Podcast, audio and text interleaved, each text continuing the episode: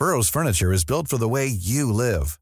From ensuring easy assembly and disassembly to honoring highly requested new colors for their award-winning seating, they always have their customers in mind. Their modular seating is made out of durable materials to last and grow with you. And with Burrow, you always get fast, free shipping. Get up to 60% off during Burrow's Memorial Day sale at burrow.com slash ACAST. That's burrow.com slash ACAST. burrow.com slash ACAST. Hey, it's Danny Pellegrino from Everything Iconic.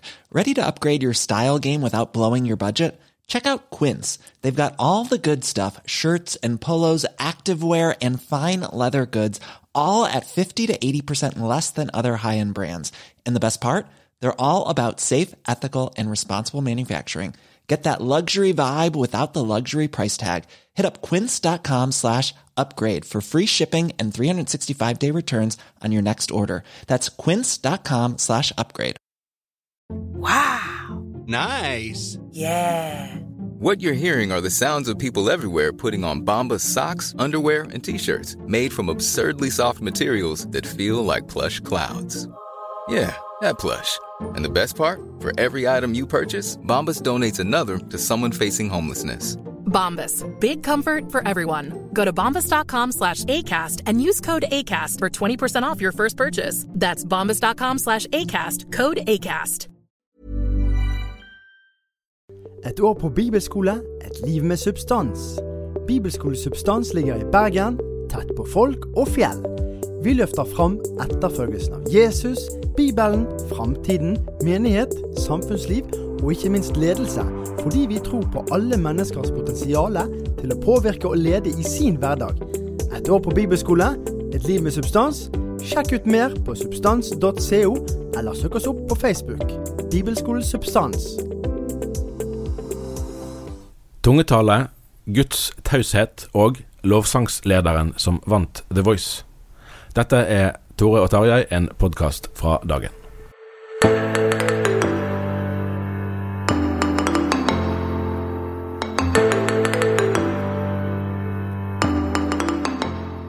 Her i studio sitter i dag eh, Tore Hjalmar Sævik og meg sjøl, Tarjei Gilje. Vi har akkurat eh, feiret eh, pinse.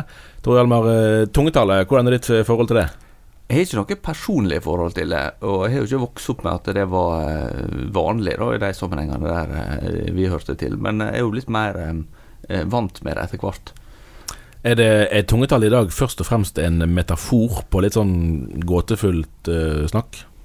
Det kan det vel være, litt avhengig av hva miljøet en er. For, for de som ikke har vært i miljø der uh, dette blir, kan forekomme, så framstår det kanskje litt skremmende eller sært.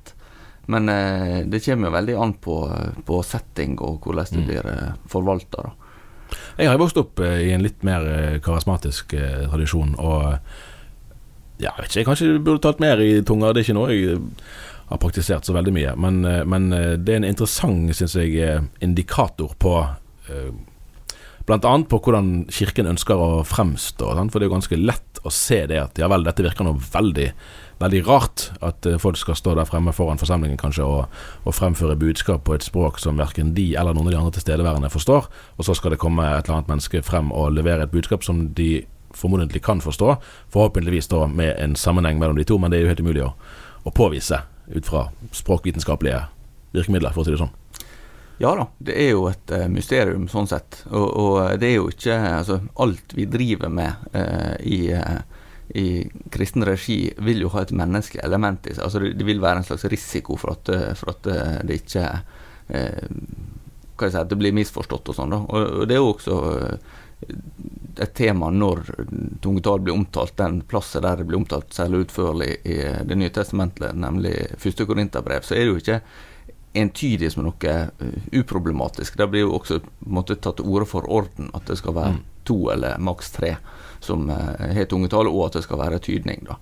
Men, uh, men, så er det jo da som vil mene at dette her er jo først og fremst vært et problem, og det er ikke viktig at vi har det. Andre vil mene at dette er liksom et tegn på at Den hellige ånd er nærværende i, i en forsamling, at, at det, det, skjer. Så det vil jo vel, ja, vurderinga av det vil jo være ganske avhengig av hva kristen tradisjonen står i. Vi snakker litt om dette nå òg fordi at vi denne uken hadde et intervju med Rakel Ystebø Allegre, som har tatt doktorgrad og skrevet om pinsebevegelsens norske pioner Thomas Ball Barrat.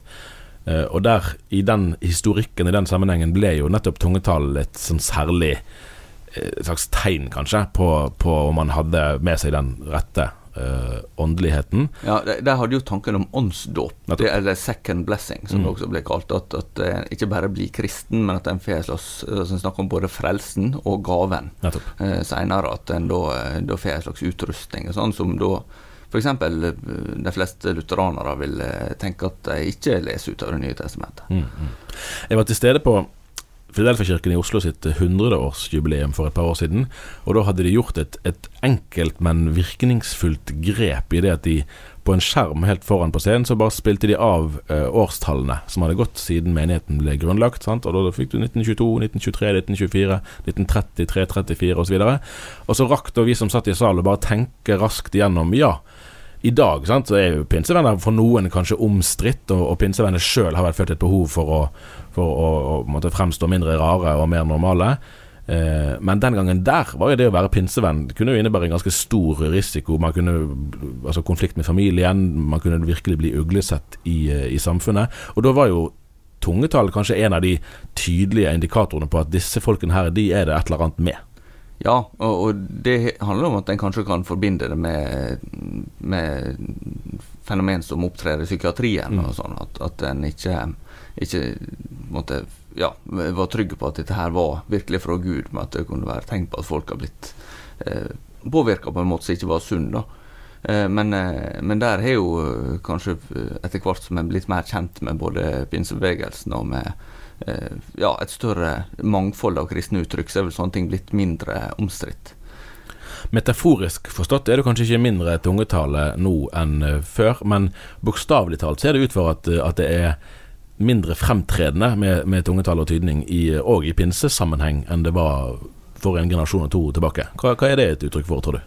Jeg tenker jo det reflekterer at vi lever i et mye mer eh, mangfoldig samfunn, eh, der eh, kristendommen er mindre sjølsagt. Hvis du går tilbake til så, altså, så sent som 1970 så var 94% av den norske befolkninga medlemmer i Den norske kirke. Eh, og det å være nordmann eh, har jo i flere hundre år vært ensbetydende med å være medlem i Den norske kirke. Altså fra mm. 1537, da reformasjonen ble innført, til, til eh, 1845, så var det egentlig obligatorisk å være kirkemedlem. Men eh, etter hvert som da eh, samfunnet ble mer sekularisert, mer mangfoldig også, så, så er det jo sånn at eh, da pinsevenner kanskje kom som en sånn her eh, ja, Noen vil si mer vital, andre vil si mer, eh, mer løssluppen. Det kommer an på en vurdering av, av den, den åndsretninga. Så, så var en jo måtte gikk inn på et, uh, i et landskap der de fleste var Eh, hadde et kristent utgangspunkt, iallfall sånn formelt, om ikke en hadde ei, ei personlig tru nødvendigvis. Men, men, nå så er vi jo i en sammenheng der en må regne med at ganske mange nordmenn ikke har noe aktivt forhold til kristen tro i det hele tatt. Og da vil jeg tro at en del sånne uttrykk som kan virke mer eksotisk, er noe som særlig pinsebevegelsen, da, som, som har vært opp vant med å være litt på, på utsida, kanskje er mer varsomme med. Iallfall de menighetene som tenker mer eh, hva jeg si, og vil nå unge og mm. og sånn at, at de, de, prøver å tone ned det som er framandgjørende i utgangspunktet. Ja, ja. Men så klarer ikke, jeg klarer likevel ikke helt å frigjøre meg fra et spørsmål om det er noe her som handler om en, en eh, frykt for å være kontroversiell, da. Eh, og i vår egen tid. For det har jo vært en det skriver jo Paulus om, for den saks skyld, sant? om selve evangeliet om korset, at det er dumhet, dårskap, for, for de som ikke har fått del i det. Eh, og Av og til så lurer jeg på om, om, moderne kristne er for opptatt av å fremstå fornuftige og rasjonelle og gjennomtenkte og litt forsiktige, eh, og at man egentlig kan, kan, risikere å gi avkall på noe av den brodden som, som skulle særprege Kirken. Det er jo eh, sånn at en, en kommer aldri fra at det kristne budskapet vil være en, en provokasjon på et nivå. Da, for, fordi det, det er utsagn som både, både, handler om, om eh, ja, nødvendigheten om, av omvendelse og trua på Jesus som den, eh, den eneste vei til Gud. og og, og sånne ting som, som eh, vil være eh, ja, og korset, det at eh, Jesus måtte dø for menneskets synder. Det er jo ikke noe som, som eh, på en måte er mulig å, å Du kan ikke bli så god å kommunisere at alle syns at det er helt topp. Eh, det, det vil være et budskap som, eh, som vil provosere eller vil vekke anstøt, og som det heter i eh, Det nye testamentet.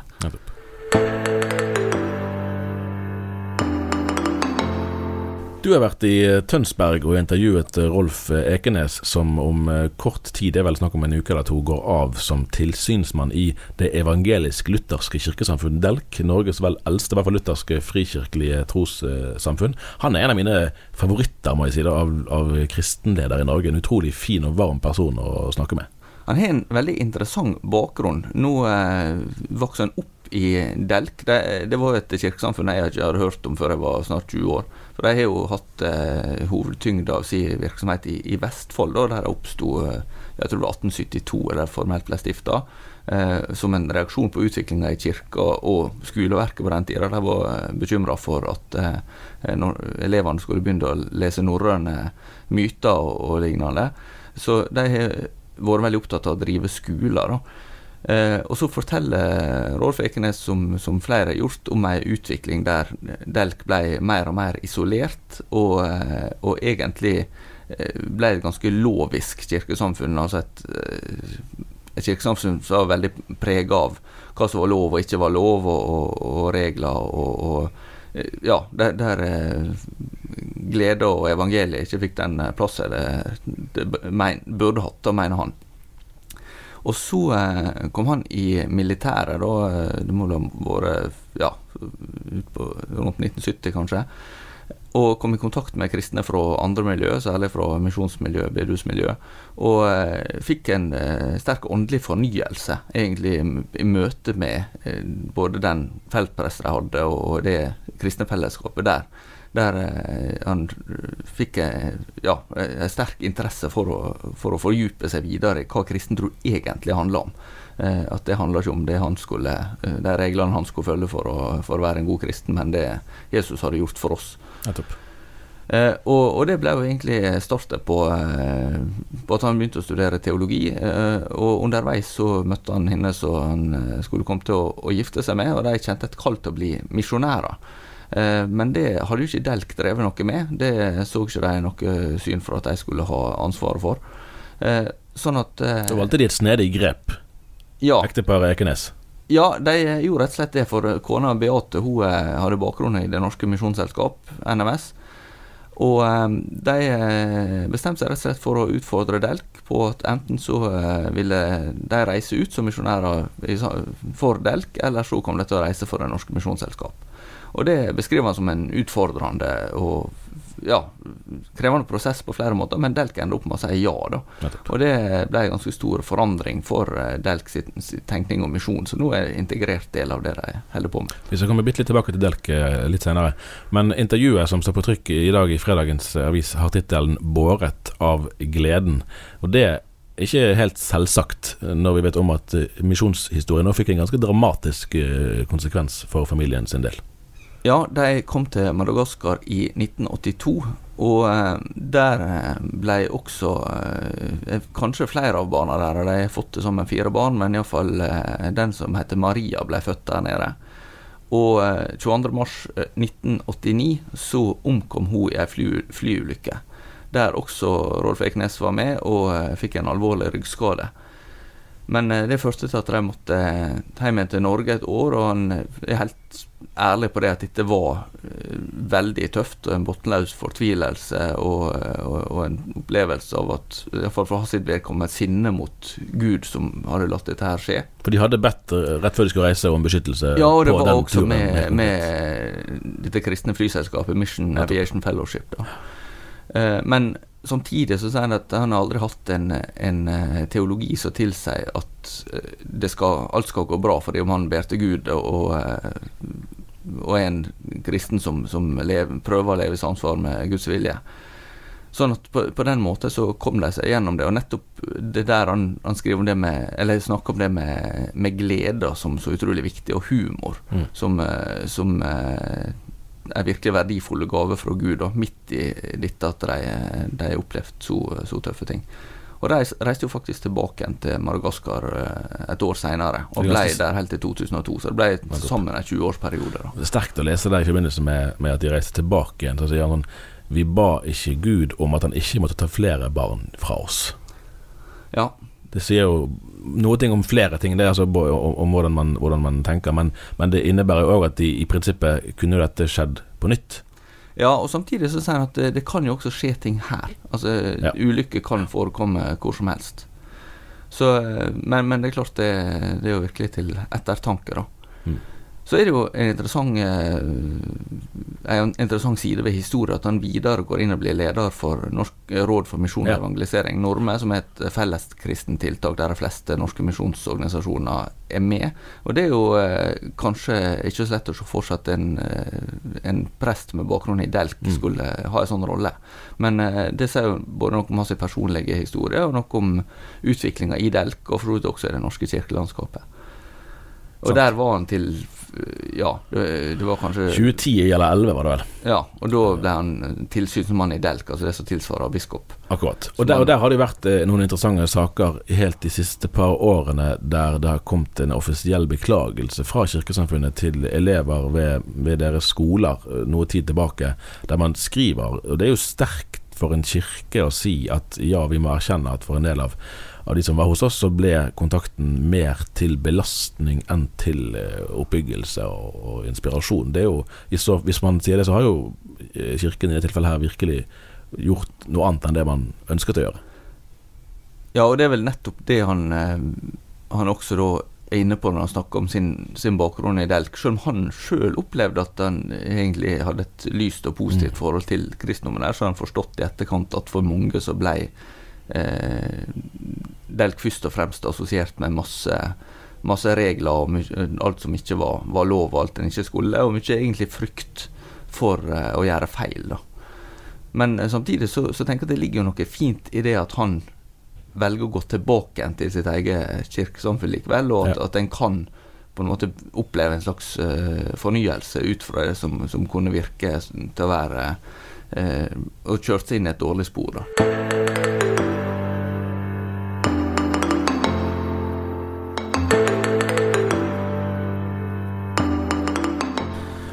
Denne uken har vi òg hatt eh, intervju med Andreas Nordli, som leder Ungdom i oppdrag. Han har skrevet en bok som heter eh, 'Når Gud er taus'. Den begynte han visst på for seks års tid siden, og hadde den mer eller mindre klar, men lot den ligge og syntes ikke manuskriptet holdt helt mål. Nå er boken eh, kommet ut på Proklamedia forlag, og han sier sjøl i intervjuet at han har droppet en del utropstegn til fordel for en del spørsmålstegn. Her har vi to uh, misjonsledere som snakker åpent om uh, ting som ikke har gått så bra, eller ting som de ikke helt får, uh, får grep om. Jeg lurer på om, om frykter en del, tror du, at ja vel, blir det noen misjon av dette her, da? Ledere som går og lurer på store spørsmål? Ja, det er jo um, en spenning som jeg tror de fleste av oss må leve i, at vi, vi har noen svar, og så har vi en del spørsmål. Mm. Uh, og hvis en ikke kan være ærlig om det, så, så tror jeg at svaret også blir mindre troverdige. Eh, hvis en, en eh, later som en er skråsikker på alt mulig, så, så vet de fleste av oss at både i vårt eget liv og, og, fra mennesker vi har rundt oss, at livet kan, kan by på utfordringer som vi ikke helt er i stand til å, å ja, å håndtere før Eller vi, vi vet ikke hvordan vi vil håndtere det hvis de kommer. Jeg tror det var Anfinn Skåheim som på det tidspunktet her var generalsekretær i Indremisjonsselskapet, det som nå er en del av Nordmisjon, som, som vel i slutten av 90-årene begynte å sette ord på noen av sine egne eh, åndelige kamper. Jeg tror ikke det hadde vært så oppsiktsvekkende i dag, men den gangen gjorde det inntrykk på, på en del at han som var en såpass høyt ansett leder, kunne få seg til å, å fortelle såpass eh, private ting, da, som det kanskje blir oppfattet som. Men så kan man jo stille spørsmålet fra motsatt side òg og spørre om ikke nettopp dette bidrar virkelig til mer misjon, fordi man bygger ned en sånn forestilling om at ja vel, disse her de er villige til å gi inntrykk av å være mer sikre enn de er, og de er villige til å hoppe bukk over spørsmål som vel de fleste oppriktige mennesker egentlig stiller seg, og hvis de er villige til det, hvordan kan jeg da stole på det andre de sier? Ja, og det eh, tror jeg ikke en skal ja, undervurdere, da. Hvor, hvor, viktig det er å være ærlig.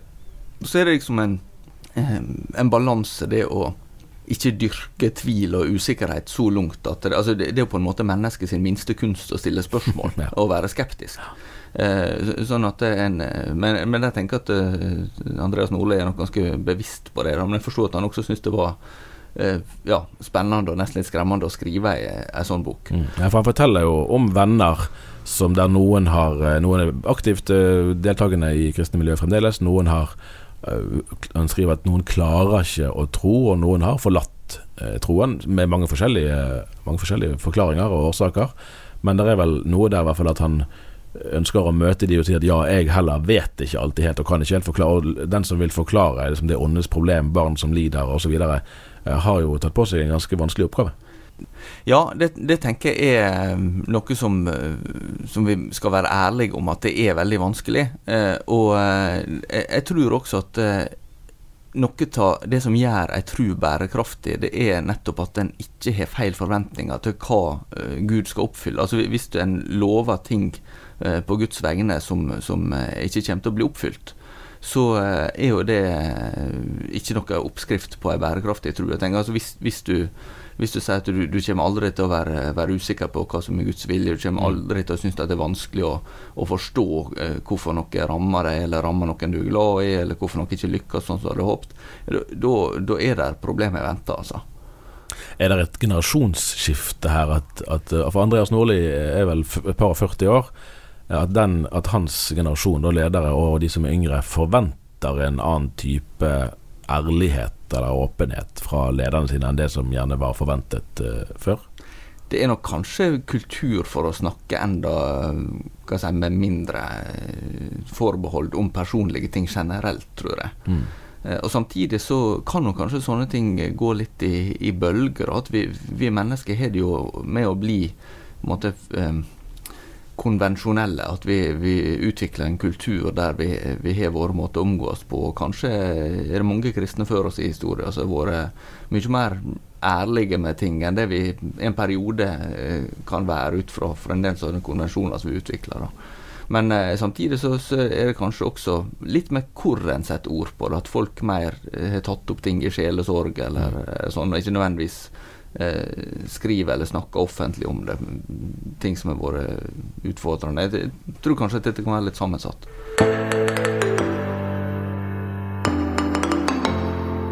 Du, Vi driver jo begge litt med sang og musikk eh, sånn utenom eh, arbeidstid. Hvordan er ditt forhold til The Voice? Jeg har hørt at det går på TV. Jeg har til og med av og til sett at det har gått på TV, men jeg kan ikke si at jeg har fulgt med på det. det, var noe, det var ikke noe forsøk på å fremstå veldig moderne der? Nei, det var ikke det, men uh... det, det, kom fra hjertet? jeg er mest på internett.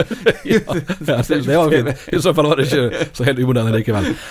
Har sett, jeg har sett litt på det, ikke så veldig mye jeg heller, men, men, det har vært fascinerende å følge Maria Engås Halsne på veien mot uh, seier.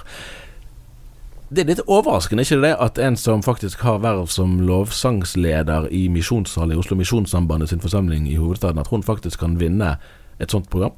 Ja, altså nå er det vel eh, primært eh, sangprestasjonene som, eh, som, står i fokus. Da, så, sånn at eh, Slik sett burde det ikke være noe Nei, det burde det ikke. Det er jo så. Men det er jo ikke alltid, Nei, alltid helt logisk. Eh, men så, så, er det jo veldig mange sangere og musikere som har fått eh, utvikle seg i kristne, kristne sammenhenger. Uh, ikke minst sånn som så altså, hele ungdomskorbevegelse uh, og, og TenSing og sånn har jo Eh, rekruttert veldig mange. Ja, og, ja. Eh, og, du har også ikke minst miljøet rundt eh, det som var bibelskole i Staffels gate i Oslo, og er blitt Høgskolen i Staffels gate nå. Der er det veldig mange kjente, mm. eller sånn etablerte norske musikere som har vært. da. det spøker så litt med det om hvis, hvis, du skal sjekke altså De som er profesjonelle lydteknikere for eksempel, i Norge, som er altså over 50 år kanskje, hvor mange av de som har en eller annen bakgrunn i en eller annen kristen folkehøyskole eller noe sånt, det er en ganske høy andel eh, som har det. Ja, Men så er det jo forskjell på det å eh, ha en sånn bakgrunn og det å være tydelig på uh, sin kristne tro Ja. når en havner i, eh, i søkelyset. da. Så, eh, så det er jo eh, også noe som, som er verdt å legge merke til. Men sånn sett så, så hadde vi jo f.eks. Lisa Børud som, Mm. som var med, Ja og, onkel Ole Børud som også var med i Jeg husker ikke hva program det var. Men det var Stjernekamp. Stjernekamp var det. Nei, fordi at når, når vi var tenåringer, sant, så var det jo ennå mange som med glede kalte seg kristne artister. Altså De ville være artister, men de helt, det var helt klart at de hadde et forkynnende Uh, Altså de hadde en forkynnende agenda med sin uh, musiker- og sangvirksomhet. I dag er det vel veldig få egentlig som bruker den uh, betegnelsen. Og man kan jo lure på om det har kommet inn en litt sånn resignasjon. At, at hvis man er sanger eller musiker og er kristen, så vet man at oi, nå er det lurest av meg å ligge litt lavt med å snakke om troen min, for da vil det begrense så mye mulighetene jeg får som uh, musiker. Her har jo ikke, ikke hun lagt noe skjul på sitt uh, ståsted. Nei, jeg vet ikke hvor mye det har vært framme i programmet, men nå har vært intervjua i, i Ja, jeg tenker mest på det, egentlig. Ja. Det er jo ikke alt som blir eksponert i et program. Der, der er jo, man skal jo mest vel synge. Uh, Det her er jo mer intervjuer som er utenom. For der har det jo kommet veldig tydelig frem hvor hun uh, står. Ja, hun er jo også journalist eller skribent for itro.no, Ja. som er, er nettmagasin for ungdom til Misjonssambandet.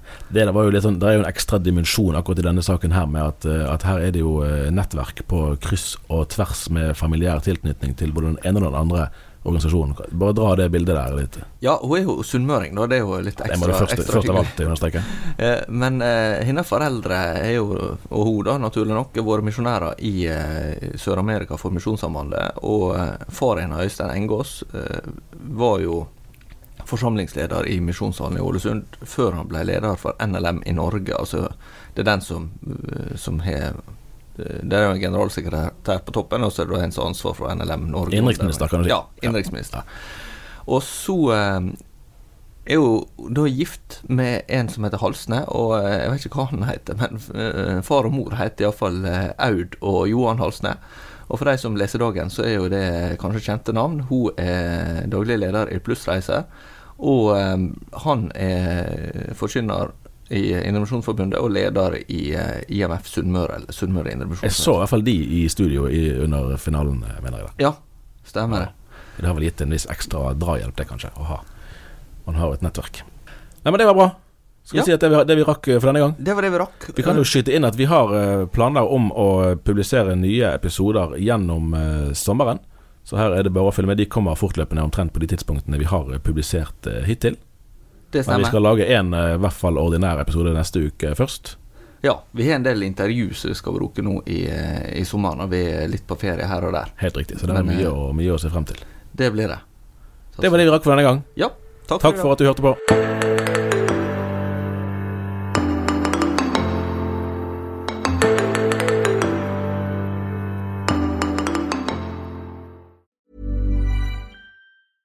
Planning for your next trip? Elevate your travel style with Quince. Quince has all the jet setting essentials you'll want for your next getaway, like European linen, premium luggage options, buttery soft Italian leather bags, and so much more. And it's all priced at 50 to 80% less than similar brands. Plus, Quince only works with factories that use safe and ethical manufacturing practices. Pack your bags with high-quality essentials you'll be wearing for vacations to come with Quince. Go to quince.com slash trip for free shipping and 365-day returns. Hi, I'm Daniel, founder of Pretty Litter. Did you know cats tend to hide symptoms of sickness and pain? I learned this the hard way after losing my cat, Gingy. So I created Pretty Litter, a health monitoring litter that helps detect early signs of illness by changing colors, saving you money and potentially your cat's life. Pretty Litter is veterinarian developed, and it's the easiest way to keep tabs on your fur baby's health right at home. Go to prettylitter.com and use code ACAST for 20% off your first order and a free cat toy. Terms and conditions apply. See site for details.